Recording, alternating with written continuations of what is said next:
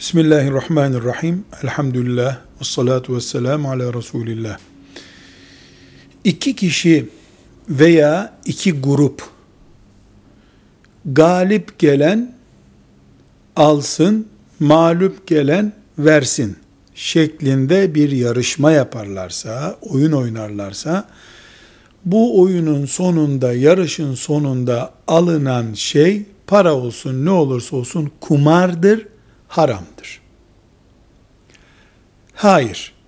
İki grup yarışıyor. Üçüncü taraf bir ödül veriyor.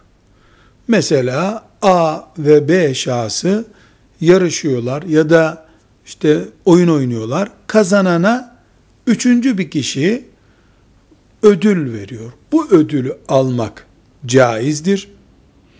Bu ödülden alınan şey helaldir. والحمد لله رب العالمين.